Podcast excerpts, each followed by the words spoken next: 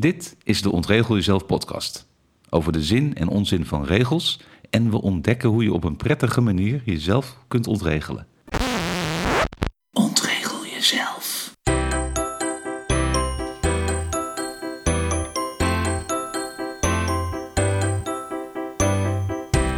Aflevering 3 van de Ontregel Jezelf podcast. En we zouden het gaan hebben over school en werktijden. Nou, die bewaren we even voor later, want eh, er is een kleine kink in de kabel gekomen. Uh, ik kan daarvoor het beste even bellen met Martijn van Os, denk ik nu. Ehm, de, de, Martijn die je ook kent uit de eerdere afleveringen, waarbij ik altijd terecht kan met, met grote levensvragen. Ik ga hem even bellen.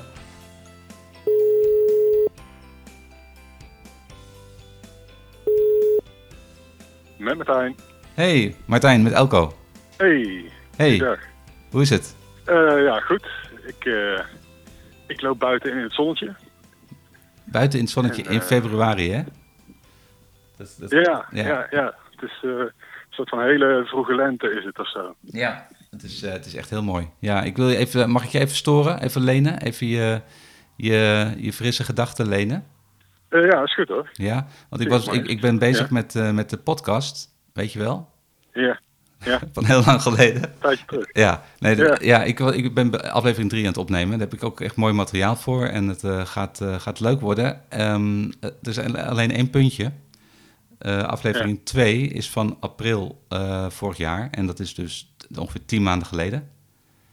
Ja. En eerst dacht ik van, nou, boeien dat dat tien maanden geleden is. Als je straks een rijtje podcast hebt uh, staan en mensen luisteren daarna, dan luisteren ze gewoon verder. En dan is het echt niet meer uh, interessant uh, van hoe lang dat geleden is. Ja. Want ik heb wel zo'n podcast gehoord van iemand die daar heel erg moeilijk en, en, ingewikkeld over ging doen. Allerlei excuses en zo. Ik denk, ja, dat, dat boeit me gewoon niet. Maak gewoon iets moois en ik luister wel verder. Maar toen ja. begon ik daar net mee, maar toen ging het toch een beetje wringen in mijn hoofd. Ik weet niet of je dat okay. kan voorstellen, maar het, het, het een beetje zo van... Uh, ik kan toch niet uh, mensen die misschien wel zijn begonnen met luisteren een, een, jaar geleden... net doen of, alsof er niks gebeurd is. En dat ik gewoon, gewoon even tien maanden niks laat horen en dan opeens wel weer wat. Dat is ook een beetje raar. Maar dat zit misschien in, ja. mijn, in mijn hoofd uh, verkeerd hoor, dat kan ook. Nou ja, kijk, als het voor jou klopt, dan is het goed hè. Dus het is altijd een beetje kijken van wat voor jou werkt. Ja, daar, daar, moet ik even naar zoeken ja. natuurlijk. Maar het is natuurlijk, ja. uh, ik heb hele legitieme redenen waarom het uh, even duurde. Um, ja. Maar ik wil, ik wil ook helemaal niet per se in de, in de excuusmodus gaan zitten. Maar wat, wat, wat, wat ik eigenlijk heb gedaan is, ik heb het uh, omgedraaid. Ik heb gewoon gedacht van, ik ga, maak daar gewoon het thema van voor de af, aflevering drie. van hoe, ma hoe, maak ik, hoe maak ik tijd voor dingen die ik graag wil? Ja, ja, dat is al een grote vraag natuurlijk. Ja, die, die ken je vast ook wel, die vraag, of niet? Of heb je daar nooit problemen mee? Uh, tegenwoordig minder dan uh, eerst, denk ik. Oh. Uh, ja. Dat, dat, klinkt alsof jij de, het sleuteltje gevonden hebt. nou, dat, dat, weet ik niet, maar in ieder geval... Ik heb wel voor mezelf nou wel een beetje het gevoel dat, dat, ik, dat ik de dingen aan het doen ben die ik wil doen. En ook hoe je dingen dan aanpakt. Net als dat ik nu nu buiten aan het wandelen ben en met jou praat. Dit is, dit is ook gewoon uh, dat ik denk van ja, uh, je kan ook heel veel dingen uh, ook gewoon al lopend doen. Ja. Vroeger beleef ik nog wel eens thuis hele gesprekken met mensen, telefonische afspraken. Ik was continu thuis, zat ik aan een tafel. En op een gegeven moment dacht ik van ja, maar ik hoef hier helemaal niet thuis voor te zijn. Ik kan ook best op dit moment over, over een dijk langs een rivier aan het wandelen zijn terwijl ik dit gesprek voer, weet je wel. Ja, en in mijn gedachten kan jij ook gewoon aan een tafel zitten als dat helpt. Maar ik vind het ook prima dat jij uh, aan het wandelen bent. Dat is misschien nog wel beter. Ja, ik, ja. Even terug naar uh, um, dat jij dat uh, steeds beter in de hand hebt, zeg maar. Hè? Dus dat je zegt van ik kan ook dingen combineren en je moet er gewoon een beetje slim over nadenken. En um, misschien ook wel eventjes af en toe daarbij stilstaan en niet automatisch dingen doen. Ja. Dus ook, dat, ja, het... want je gaat heel snel op de routine, ga je dan even in jouw voorbeeld aan die tafel zitten als je moet bellen. Ja, precies. Ja, en het, het is, uh, en het zijn ook wel uh, tegelijkertijd heel veel uh, kleine stapjes of zo die je zet. Die allemaal op een gegeven moment naar een bepaalde manier van leven toe, toe gaan. En dat gaat ook over gewoon überhaupt uh, bewust worden van allerlei rare gewoontes uh, die je zelf uh, hebt. Um, maar die ook jouw omgeving heeft, weet je. En, eh, en daar op een gegeven moment ook zelf aanpassingen in gaan doen. Heb Zowel in je eigen leven. ah, ja, eh, ik zit even te denken, wat is dat dan weer? Ja, er zijn zoveel dingen, joh. Eh, het soort auto wat je koopt is al Mhm. iets, weet je. Eh, dat, maar dat je dan een auto hebt staan, dat je dan denkt van, hé, die staat wel vaak stil. En dat je dan gaat nadenken van, hé, hoe zou dat dan kunnen zijn? En dat je denkt van, oh, het zou een deelauto kunnen zijn. Minder op de automatische piloot. Minder omdat we het altijd al zo doen. Ruimte creëren door dingen anders te doen. Dingen bedenken en opstarten is leuk en makkelijk. Dingen volhouden, dat is andere koek. Een jaar geleden bedacht ik dat het leuk zou zijn om een podcastserie te maken over de zin en onzin van regels. Over hoe je jezelf op een leuke manier kunt ontregelen, dingen anders doen. De eerste twee afleveringen had ik redelijk snel gemaakt. Eh, Die derde die liet dus een beetje lang op zich wachten. Terwijl ik genoeg materiaal en ideeën had, daar lag het niet aan. Hoe maak ik tijd voor de dingen die ik graag wil?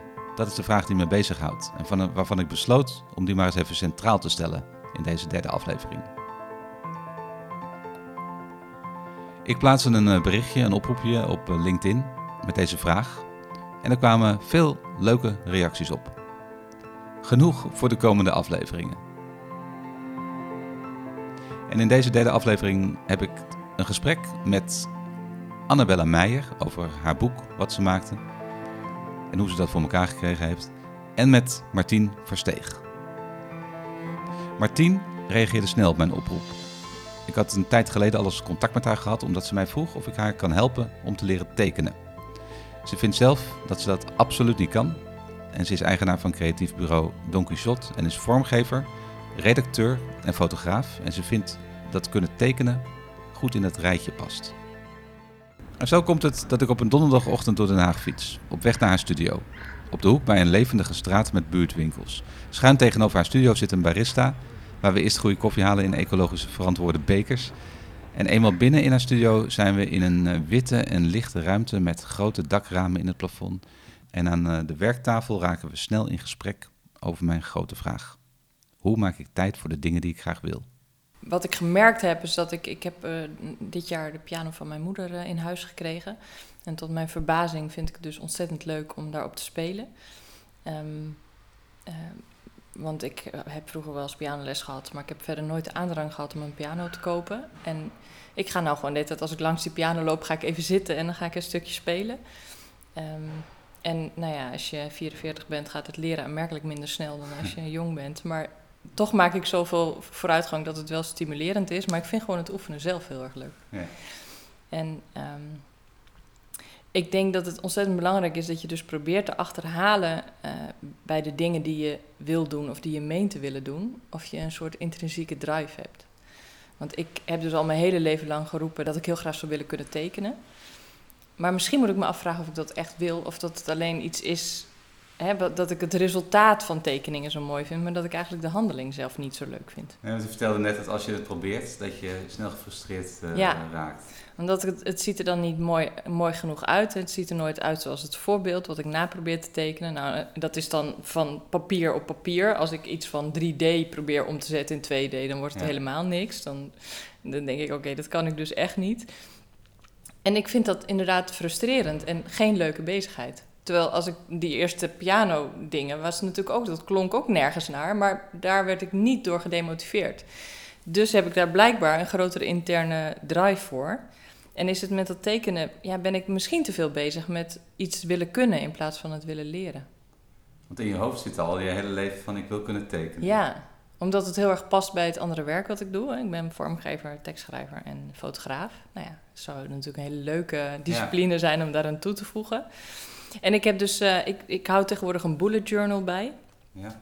Ehm, en ik was begonnen met een artist journal. Dus dan probeerde ik elke week te tekenen wat er Mhm. die week belangrijk was. En dat vond ik wel leuk.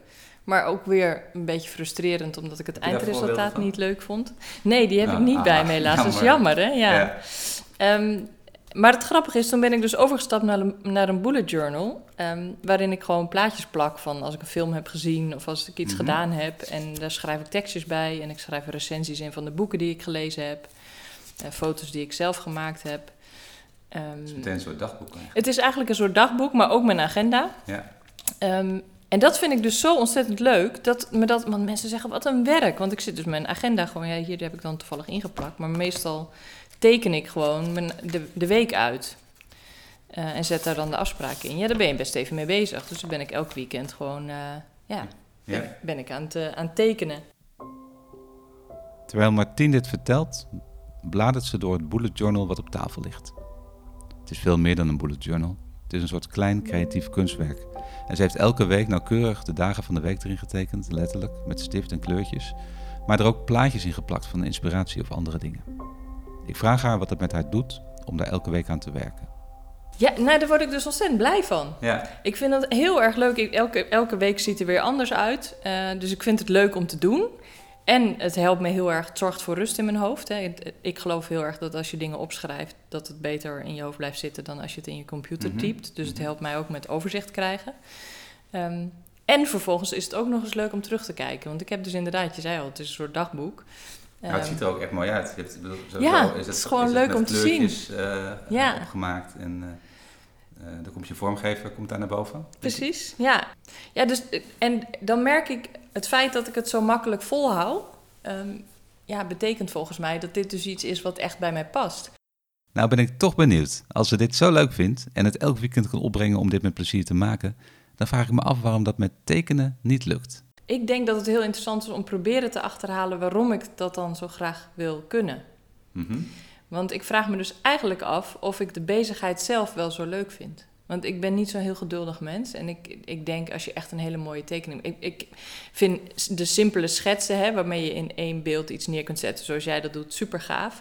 Maar ik droom er eigenlijk ook van om gewoon echt... ehm, nou ja, ik weet niet of ik daar toevallig hier een voorbeeld van in heb... maar gewoon prachtige, gedetailleerde Ja. eh, illustraties te maken Ja. kinderboektekeningen eigenlijk. Zou ik fantastisch vinden. Maar vind ik dat fantastisch omdat ik het zo mooi vind en denk, oh, dat zou ik ook willen kunnen. Want als ik ga ik denk niet dat ik vier uur achter elkaar wil gaan zitten tekenen. En waarom niet? Ja, grappig, dat is een gevoel dat ik heb. Dat ik, als ik daaraan begin, misschien als ik het eenmaal zou kunnen, dat dat niet waar blijkt te zijn. Hè? Ja. Het is natuurlijk ook zo met het pianospelen, dat in het begin speelde ik ook geen uur achter elkaar, want je gaat geen uur Vader Jacob zitten spelen. En nu ik mooiere stukken kan spelen, wordt het wel steeds makkelijker om er lang mee bezig te zijn. Vier uur piano spelen zou ik trouwens ook niet doen hoor, want daarvoor ben ik gewoon. Ja, ik, onrustig. Ja, te onrustig. Ja. Ik wil altijd te veel dingen. Ehm, maar nee, ik denk dat ik eigenlijk de, de. Ik wil te snel resultaat. En volgens mij is dat met tekenen niet, niet haalbaar. Dus past het misschien niet bij mij. Ja, ik denk dat het ervan afhangt hoe hoog je de lat legt. Ja, en die Je heb kan- ik dus heel hoog liggen. Dat is ja, het probleem. precies. Je, ja. kan, je kan denk ik heel snel resultaat hebben. In, een, in een vijf minuten kun je al resultaat hebben. ja, Alleen dat voldoet niet aan jouw eh, verwachting van wat het moet zijn uiteindelijk. nee. Maar de piano ben je toch ook met vader Jacob begonnen? Ja, en dat is dus, dus ik probeer dan te bedenken hoe komt het dan Ja. dat het ene wel aanslaat en het andere niet. En ja, ik, kan, ik heb daar eigenlijk geen antwoord op, behalve dat ik denk dat is dus iets, je moet dat gewoon ontdekken. Je moet ontdekken wat bij je past of niet. En ik heb het tekenen dus nog niet opgegeven. Hè? Dus er komt misschien een moment in mijn leven dat ik zeg van nee, oké, dat is het dus duidelijk niet.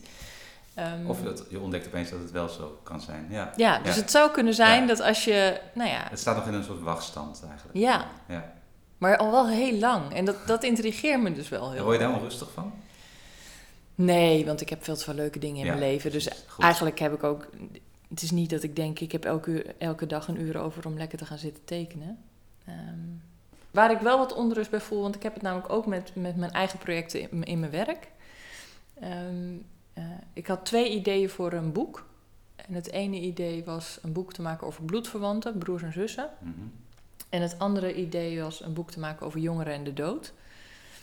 Ehm, en ik, daar, ik werd er gefrustreerd van dat ik dat boek over die broers en zussen, dat ik daar niet, ehm, dat ik dat niet van de grond kreeg.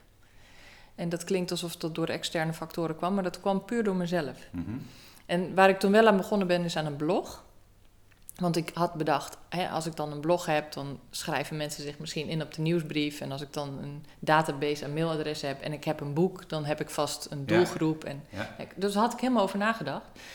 Ehm, en het mooie was, ik ben ermee begonnen toen mijn moeder net was overleden. En die eerste blogs, die ehm, vond ik zelf heel fijn om te schrijven. En vond ik heel mooi. Ik kreeg, ik kreeg ook, ook hele mooie reacties op. Maar wel allemaal van mensen die mij kenden.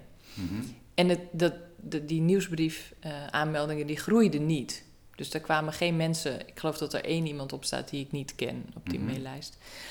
Dus dan komt er op een gegeven moment een moment... dat ik die intrinsieke motivatie niet meer voelde. Ja, omdat je Om elke niet week te dat schrijven. voor iemand doet. Of, of eh, Ja, dus- bevestiging dat er vraag naar was wat je deed. Precies, hè? Ja. Dus er zijn twee... Ik las een heel mooi, mooi interview met ehm Annette van der Zijl. Ja. Ehm, ik vind dat zij een fantastisch boek schrijft.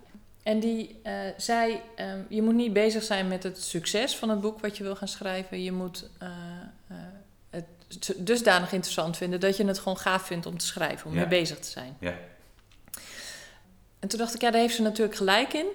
En tegelijkertijd speelt het natuurlijk wel mee. Want als zij geen enkel boek zou verkopen, neem ik aan dat ze iets anders moet gaan doen met haar leven. Hè? Dus als die boeken uiteindelijk niet succesvol zouden zijn, dan Ja, kom je op een makkelijk gezegd. Ja, Ja, precies. Zeker voor iemand die succesvol is. Ja. Dus ik dacht, ehm, ik begon echt met schrijven ook voor mezelf. Wel met in mijn achterhoofd hè, dat doel, maar ik, ik, omdat ik het fijn vond. En toen kwam ik op een punt dat ik dacht, nou, nou moet ik echt gaan nadenken over wat wil ik nou eigenlijk nog schrijven. Dus dan wordt het inderdaad een pragmatisch iets. Ik- namelijk, ik Mhm. wil Ja. mensen op mijn nieuwsbrief. Ja. Ja.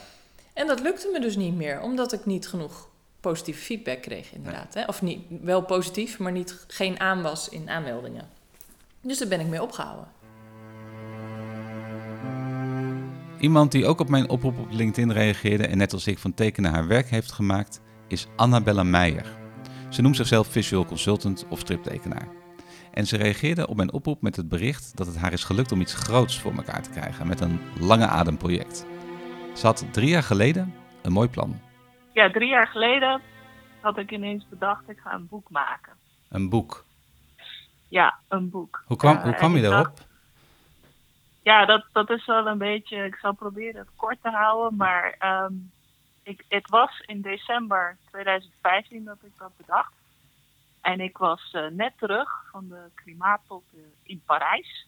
En daar had, eh, heel de wereld had daar afgesproken dat we toch echt onder de anderhalf graad eh, opwarming moeten blijven. Ja. En ik was daar naartoe al met een bus activisten.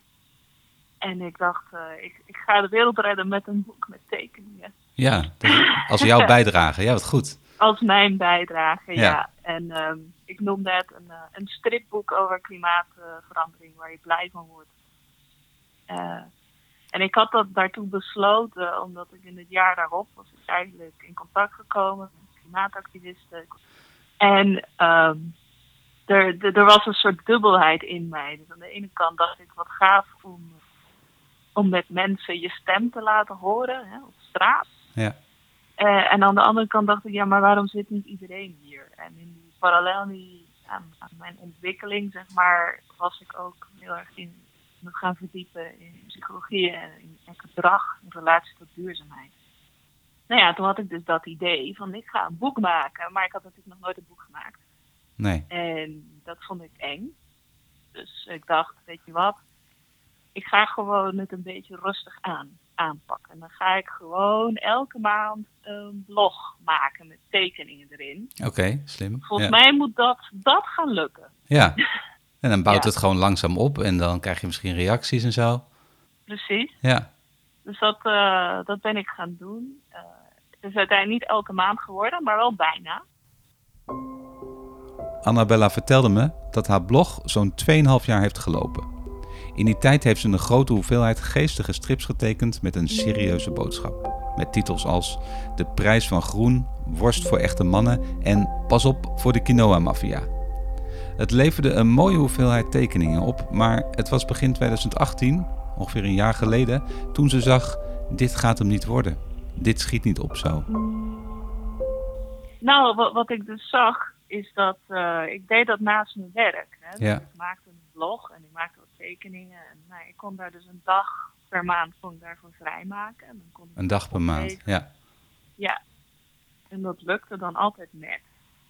Eh, En op een gegeven moment dacht ik, nou, ik moet hier wat meer tijd voor in gaan ruimen. Dat was begin 2017. Toen begon ik eindelijk met het zoeken naar publiek.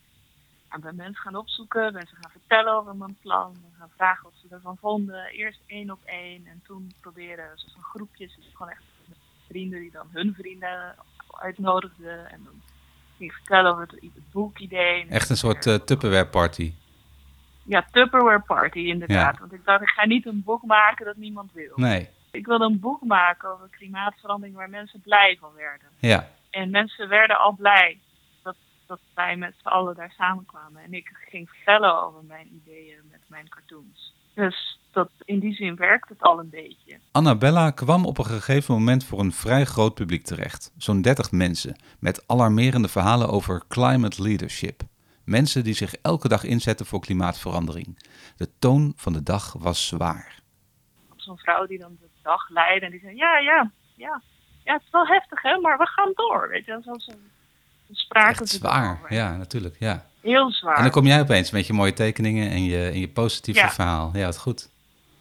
dan kwam ik daar en ik maakte wat grapjes. En nou, dus achteraf was het gewoon eh, ja, allemaal mensen die ineens met me wilden praten. Dus toen was het zo van, nou, nu moet het boek er echt gaan komen. Ja. Stoppen met praten. ja, de druk werd ik moet groter. het gaan maken. Ja. En dan besef je, oh, maar ik heb, dit gaat niet werken. De klimaatverandering gaat veel te hard en ik teken niet hard genoeg. Het tekenen ging niet snel genoeg. Annabella voelde de druk van de mensen die het boek wilden bestellen. Ze besloot serieus om alles opzij te schuiven om het boek te kunnen maken. Ze zei: Ik ben de eerste drie maanden van 2018 in winterslaap, zodat ik aan mijn boek kan werken. En lukte dat? nou ja, dat gebeurde dus begin dat jaar. Dat ik dacht, nou, er is een maand voorbij en ik ben nog echt helemaal niet ver. Ja. Dus, ja. eh, dus dat lukte niet eigenlijk. Nee. En, en lukt het wel om die andere dingen niet te doen? Was dat wel gelukt? Nou, niet zo heel erg eigenlijk. Nee, dat- wat er gebeurde precies. is dat ik had gehoopt. En dit is de kern ik, van mijn eh, vraag. Dit is, echt, dit is precies waar ik naar op zoek was. Eh, want dat is wat er vaak gebeurt. En bij mij nu ook. Eh, Zo'n podcast blijft dan tien maanden liggen. En ik denk elke maand even van... oh, ik moet er even een dag voor, voor vrijmaken. En dan gaat het alleen maar om één podcast. Dat is nog wat anders dan een boek. En zelfs dat lukte gewoon niet. Omdat er dan weer een klant belt... en die, die wil altijd iets en die gaat voor. Ja, Want jij hebt dan ook nee moeten zeggen tegen klanten. Ja en, en extra tragisch was dat ik daar dus echt heel goed in geslaagd ben. Alleen, ik ben er niet in geslaagd om het werk af te hebben voordat ik begon. Dus voordat mijn tijd inging, als het ware, Ja, moest ik nog allemaal klussen afmaken. Ach, dus ja. het was me wel gelukt om nee te zeggen. ja. Maar je had toch allemaal dingen liggen? Ik daar, Ja. ja, ja. oh, triest eigenlijk. Ja, ik heb medelijden met je. Ja, met terugwerkende kracht. Maar dat, hoe heb je dat gefixt dan? Want na een maand was je nog niet veel verder. Nou ja, ik had dus, moest nog dingen afmaken en ik probeerde dan die verhalen die ik wilde tekenen te maken. En dat lukt ook wel, ik maakte er een paar, maar op een gegeven moment ga je rekenen en dan nou, zoveel uur, Ja, nou, zo, zoveel wil ik maken. Dat Ja. gaat hem niet worden deze twee maanden, dat ga ik gewoon niet redden. Dus dat ging hem niet worden. Die drie vrijgemaakte maanden bleken veel te weinig tijd. Ze merkte ook dat ze van belangrijke onderwerpen die in het boek moesten komen te weinig wist. Ze bedacht: waarom ben ik dit eigenlijk alleen aan het doen? In één dag heeft ze mensen opgebeld en gevraagd om haar te helpen met het boek. Ze zeiden allemaal ja. En in één dag had ze een team met experts om zich heen. En toen ging het flink sneller. En wat grappig was, Annabella werd steeds vaker gevraagd voor presentaties over het onderwerp van het boek. Ze werd een deskundige. Ondertussen werd het boek steeds concreter. Het moest er nu echt komen, maar wie betaalde de uitgever? Ze besloot om te gaan crowdfunden. Ze ging op campagne. En binnen drie weken had ze het bedrag bij elkaar. ja, nee, wat bleek dus, is dat gewoon door al, omdat je dus al twee jaar met je project bezig bent, en dat heel veel mensen dat weten, dat bleek eh, te zorgen voor zo'n succesvolle crowdfunding. Ja, je hebt het eigenlijk al jaren voorbereid door steeds berichtjes te plaatsen en erover te vertellen en zo. En daardoor was het be- bekend en deden mensen mee. Precies. Ja, wat goed. Ja. ja. Dat klopt. En als je zo even terugkijkt, dan zie je dat er dus steeds dat soort momenten waren. Ja, dat is dus interessant. er was die- Ja, Je zit dus die top in Parijs, dat was een soort van extern moment. Waar Ja. je denkt, nou ga ik iets doen. Nou, vervolgens is er dat eh, grote groep eh, eh, mensen die ik toesprak, waarvan ik dacht, oh, dit, dit is een publiek, dus dan weer zo'n moment van Ja. extern, zeg maar, dat je aanspoort tot, oké, we gaan dit doen en dan, daar is wel een lijn in te zien, ja. Externe momenten, triggers van buitenaf, helpen om iets voor elkaar te krijgen. Mooi inzicht. Eh, ik ben het project wel zo ingestapt dat, dat ik het echt alleen maar deed omdat het intrinsiek vanuit mij kwam. Oké, dat is heel belangrijk volgens mij. Ja. Als je dat niet hebt, Dus wordt het een stuk moeilijker. ja, Ja. ja nee, ik, ik moest het echt leuk vinden. ja. Ja. Martien Versteeg, die ik in Den Haag sprak, die vertelde dat haar eerste boekproject was gestrand. Ze is ondertussen heel hard bezig met haar tweede boekproject, namelijk Jongeren en de Dood. Hoe krijgt ze dat dan nu wel voor elkaar? Daar heb ik een deadline voor mezelf geregeld. Want eh, dat boek wordt door de NVVE ehm, eh, eh, Ja. ondersteund. Die helpen met Dus het nu heb je al financieren zit te daarvan. wachten ook. Ja, en we Ja. hebben gewoon afgesproken. Ja. Van, eh, dus er is nou een voorpublicatie geweest in hun blad. En daar staat gewoon in, in juni komt het boek uit. Kijk. ja, dat heb je nodig. Dat heb je dus nodig. Ja. En die kun je natuurlijk ook gewoon voor jezelf creëren. Door tegen iedereen te zeggen of door... ehm, ja, ik had met, met dat blog schreef ik elke vrijdag. Mhm. Gewoon elke vrijdag publiceerde ik. Op het moment dat ik daarmee ophield was het ook gewoon meteen... Hè, dan kreeg ik het ook niet meer op gang. Dus je moet daar volgens mij een soort deadline voor creëren voor jezelf. En wat ik dan op zo'n moment wel doe, en dat heb ik dus nu ook met dit boek... ehm, dat ik gewoon echt in mijn agenda zet, dan ga ik ermee bezig. Ja. Het zijn gewoon afspraken die ik met mezelf maak. ja, je moet het echt inplannen. Je moet het echt inplannen, want anders dan... Gebeurt het niet. Nee. Ja, ik kom er steeds meer achter dat vrije ruimte, creativiteit, vernieuwen alleen lukt als je hele duidelijke afspraken met jezelf maakt. Je hebt strakke regels nodig om jezelf zo nu en dan te kunnen ontregelen. Ja, ik ben dus heel erg van het gewoon inplannen. Ik plan gewoon eh, in mijn agenda, morgen ga ik drie uur voor die opdrachtgever werken en vier uur voor die opdrachtgever. En, eh, En dan gaan alle andere dingen uit. De, Ja. de, de mail gaat uit en Ja. de telefoon gaat aan de kant. Ja. En dat lukt je ook goed. Niet altijd. Nee, nee het, blijft een uitdaging. En eh, nou ja, als je een goede dag hebt, gaat het beter dan als je een beetje vermoeid bent. Hè. Je merkt altijd meteen als je moe bent dat, dat je afweren eh, kleiner worden en dat de verleidingen makkelijker binnenkomen. Ehm, dus nee, dat lukt niet altijd. Maar ik, ik merk wel dat ik echt meer voor elkaar krijg. En dat ik er ook echt blijer van word als het me wel lukt. Ja, Dus dus het dat is wel een soort van als het een keer wel goed gaat, dan heb je ook een, eh, ben je tevreden na die dag. eh, Veel tevredener. Ja. Want je hebt mooiere resultaten bereikt. Maar je merkt ook gewoon dat je meer rust in je hoofd hebt. Richting de kerst vorig jaar had Annabella weinig rust in haar hoofd. Er was inmiddels een zak met geld van de crowdfunding, maar er was nog geen boek. De druk werd groter. Ja, de druk wordt heel groot en dan ga je rekenen en dan denk je, oké, voor de kerst moet het er gewoon zijn. Punt. Weet je, dat, dat is typisch iets voor, voor de, de feestdagen, dus dan is er gewoon een boek. We gaan niet nog een jaar door. Nee, precies. Gaan we gewoon niet doen. Nee. En is dat gelukt? Eh, ja, Super. ja, echt op het piepertje. maar het is gelukt. Want er was, Eh, was er ja, nog... 30 november gelanceerd. Oh, dus jee. Net voor de feestdagen. Zo, gefeliciteerd. Terugwerkende kracht. Ja, wat goed zeg. Dankjewel. Ja. Het boek was er, op tijd voor de feestdagen. En Annabella kreeg veel aandacht, met een spread in het AD. Ze zat bij Dolf Jansen op de radio in Spijkers met Koppen. Ze stond in de metro, Haarlems Dagblad en zo meer. En inmiddels is de tweede druk net klaar. Op 1 december begon ook de klimaattop in Polen en de timing had niet beter gekund. Opvallen, anders zijn, dat bleef gelden. En de boodschap, het kan ook leuk, deed ze werk. In het gesprek met Annabella komen we erop uit dat de passie voor je boodschap erg belangrijk is. En dat je dat ook centraal stelt bij wat je doet en communiceert. Je hebt een boodschap, je wilt iets bijdragen. Ja, En elke keer dat, dat ik toch een beetje de weg kwijtraak, of dat ik eh, me zorgen ga maken over dingen, of eh, weet ik veel, dan ga je terug naar dat gevoel van waar gaat het eigenlijk? Ik denk ook dat dat wel een heel essentieel iets is. Dat je, eh, dat, dat je niet een, een commercieel belang erachter hebt, dat je, dat je iets wil vertellen. En dat er een, een passie achter jouw boodschap zit, die, ehm, die heel erg helpt in het eh, verkopen daarvan, zeg maar. Eh, en dan gaat het niet om het geld, maar om, om de boodschap uit te dragen, zeg maar. Dat is volgens mij wel echt iets wat, je, wat mensen kunnen voelen. Ja, want, want het is ook waar. En ik voel elke keer als ik, als ik daar iets van verwijderd raak, dat, het, dat ik wel soort van in zo'n commerciële Ja. stemming kom. Ja, Dan voel ik van, dit gaat niet goed. nee. Wat, wat, voelt wat, niet goed. Ik, als je denkt van, oh, ik kan hier, als het doorgaat, dan word ik eh, slapend rijk. Denk je dat wel eens? oh, eh, nee, dat, punt, Nee, eh, dat, nee. Echt, eh, dat is echt ver weg. Ja. Nee, maar wat ik meer bedoel is dat je op een gegeven moment denkt van... oh, ik moet er wel nog 3000 kopen, dus ik moet het daar pluggen. En Ja, ja, ook ja. eens iets voorbij komt, dat je van de, de neiging voelt om, om je boek te noemen, te pas en te onpas. En, en dat je dan denkt, nee. Nee. maar dat is wel belangrijk. ging. Ik denk dat, dat veel dingen mislukken om die reden. Dat mensen of niet die passie hebben en gewoon iets willen verkopen waar ze eigenlijk helemaal niet zo achter staan of zo. Of te weinig die passie laten zien. Of aanroepen. Ja, ik denk beide inderdaad. Ten slotte vroeg ik aan Annabella hoe ze de balans bewaakt tussen haar reguliere werk en het maken en de promotie van haar boek.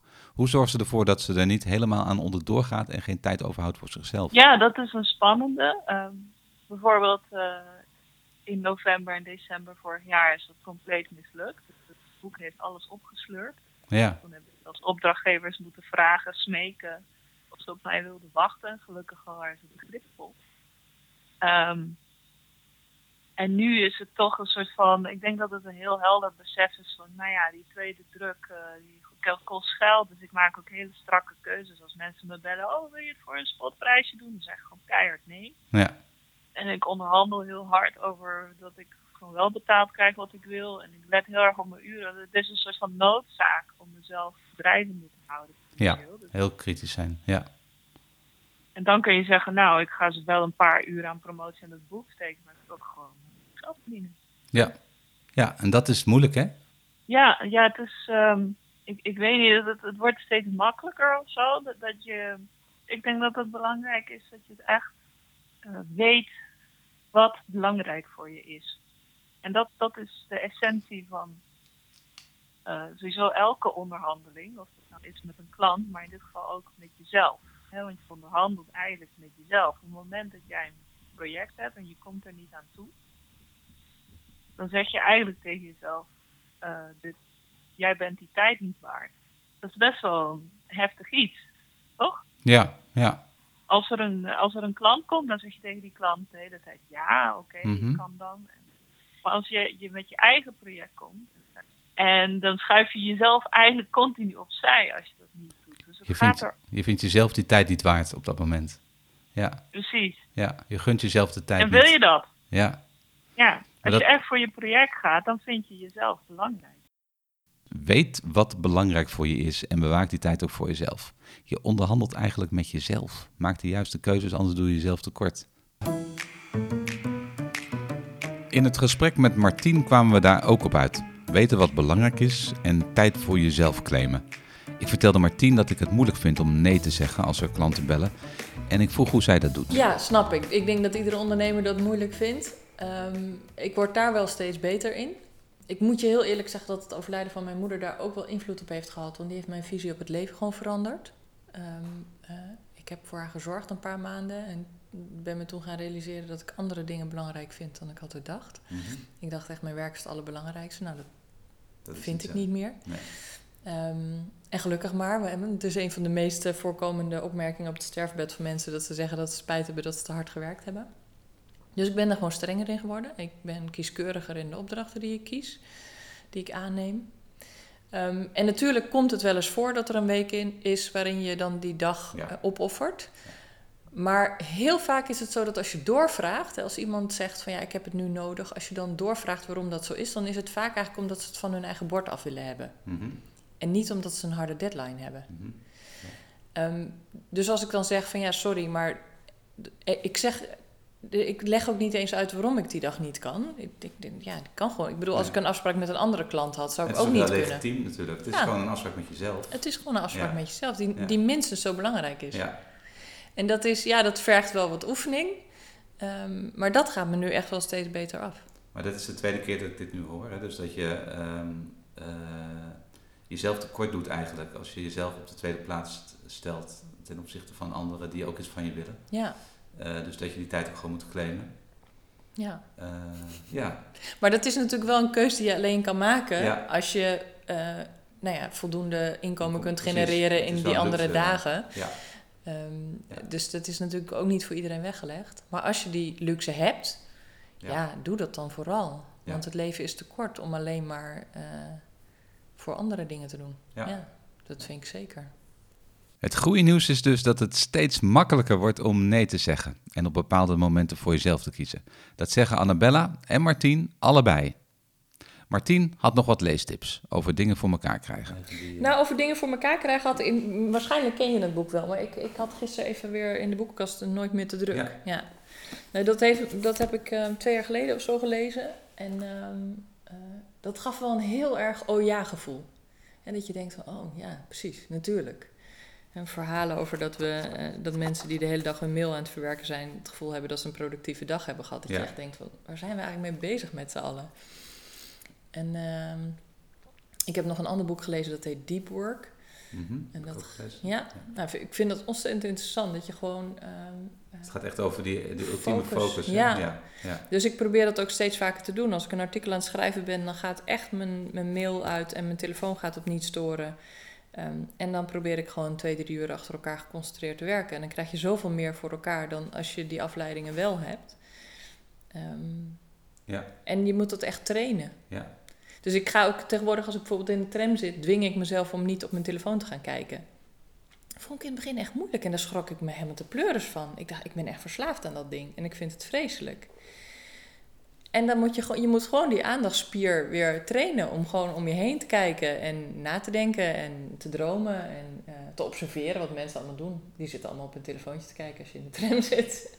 En maar juist ook die rustmomenten even, dat is ook heel belangrijk. Het is waanzinnig belangrijk, Ja. want je brein heeft dat gewoon nodig. En dan komen ook de beste ideeën. Dan komen Dat de is, beste eh, ideeën. Dus ja. dan, dan, ja, dan eh, ga je mooiere dingen produceren, word je blijer van, eh, het leven wordt er mooier van. Dus ja, ik geloof daar ontzettend in. Mooiere dingen produceren door rust te creëren. Ja, daar geloof ik ook absoluut in. En die rust krijgen, daar zijn dus veel tips en trucs voor. Ik heb de boeken gelezen en toch blijft het steeds weer een uitdaging. Uiteindelijk is die terug te voeren tot keuzes maken, eh, tijd inplannen, discipline om je eraan te houden. Best lastig voor een creatief brein met veel meer ideeën dan tijd om het uit te voeren. Als het gaat om dingen die nieuw voor je zijn, waarvan je denkt dat je het misschien niet kan, dan is het ook gewoon een kwestie van beginnen. Gewoon uitproberen, doen.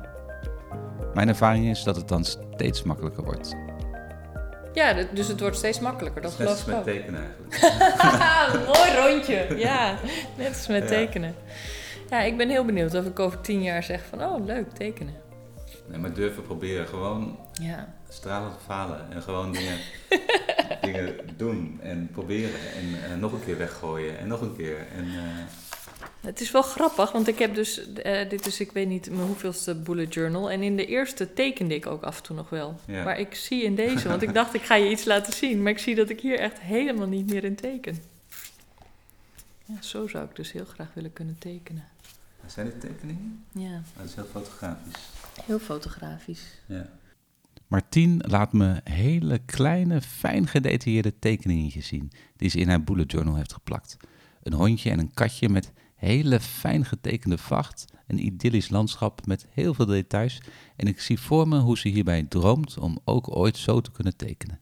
Ja, eh, dit- dat zou ik dus eigenlijk leuk vinden. Ja, ook dit, om dat te kunnen tekenen. Gewoon heel gedetailleerd. En, eh, ja. Nou ja, wie weet ooit. Maar dan, als je dat gaat proberen, dan wil je ook meteen dat het zo eruit ziet, of niet? Eigenlijk wel. Ja. Het is heel raar dat het niet meteen lukt eigenlijk, toch? Ja. ja. Heel raar. ja. Ja, nee, ik vind dus talent versus ehm, inzet gewoon wel een hele lastige. Want, want je zei ook al dat er natuurlijk dat je verschillende eh, aanleg hebt. Mhm. En voor sommige dingen, kijk, voor schrijven heb ik gewoon aanleg. Ik, ik schreef al verhaaltjes toen ik acht was, ja. die best grappig waren. Als je je realiseert dat het van een meisje van acht is. Ehm, dus ik geloof gewoon dat ik daar aanleg voor heb. En dan is het wel makkelijker om vervolgens de tijd erin te stoppen om beter te worden. En ik geloof dat ik voor tekenen gewoon niet echt aanleg heb. En dan is het dus de vraag, kun je voor iets waar je niet echt aanleg voor hebt, toch daar zo mee bezig zijn dat je het leuk genoeg gaat vinden om iets te maken waar je ook wel een beetje blij van wordt. Ik Ja. weet het eigenlijk niet. Volgens mij is het daar maar één antwoord. Dat is gewoon proberen, Ja, denk ik. ja. Alleen de vraag is hoe lang. Ja, tot je het niet meer leuk vindt. Nou, nou iets langer. Iets langer. wel- Ja, precies. ja, nee, dat, ja, is, nee ja. dat is echt exact waar het om gaat. Want het moet dus iets langer. Ja. Je moet het iets meer kans geven. Je moet niet opgeven op het moment Nee, dat je denkt... Nee, het eh, mag best wel even moeite kosten. Ja. Ja. Ja, ik voel alweer een vraag aankomen voor een van de volgende afleveringen van de podcast. Hoeveel moeite moet je doen om te ontdekken of je iets kan? Nou, voor nu hebben we genoeg nieuwe inzichten opgedaan. Van Martien over de grote interne drive om iets te willen. Over passie voor wat je doet. Over de vraag waarom wil je iets zo graag kunnen. En hoe externe triggers je enorm kunnen helpen. En niet vergeten, gewoon inplannen. Een afspraak met jezelf maken en jezelf daarbij niet tekort doen. Denk aan jezelf. En rust creëren, zodat je mooiere dingen kunt produceren. Ook een goede. Het boek Eerste hulp bij klimaatverandering van Annabella Meijer is naar haar zeggen het enige boek over klimaatverandering waar, waar je blij van wordt. Ze neemt je mee in vijf stappen naar een bloeiende toekomst voor jou en de planeet. En je kan het boek bestellen op eerstehulpbijklimaatverandering.nl en bij heel veel boekhandels. Het is een eh, mooi boek geworden. Ik heb het hier liggen. Mooi boek met een boodschap en ook eh, door, gewoon door, hoe het eruit ziet. Het, is echt eh, ja, een aanrader. En dan ook van Martien komt het boek later dit jaar uit over jongeren en de dood. En dat boek gaat heten Uit het leven gegrepen. Eh, leestips van de andere titels die genoemd worden, die zet ik eh, in een leeslijstje op ontregeljezelf.nl. Zo, we staan weer op de rit. We gaan weer met volle kracht vooruit met de podcast. En ik heb al mooi materiaal voor de volgende aflevering. Monique Sveers, die noemt mijn uitdaging een olifant. Daar ben ik benieuwd naar. Ik ga proberen haar daarover te spreken. En Janne zegt dat het vooral een kwestie van focus en prioriteiten is. Ik ben ook benieuwd hoe zij dat eh, voor elkaar krijgt. En ik spreek Jurgen Ooms over zijn cursus persoonlijke effectiviteit eh, met als mantra: Doe het nu. Ik ga focussen. Ik ga prioriteiten stellen, afspraken met mezelf maken, zodat aflevering 4 er snel komt. En als je deze podcast leuk vindt, laat het dan even weten met een beoordeling op iTunes of Soundcloud of stuur mij een mailtje. Dat zorgt namelijk voor die externe triggers. Ja, waardoor ik het weer extra leuk ga vinden en de volgende snel ga maken. Tot snel.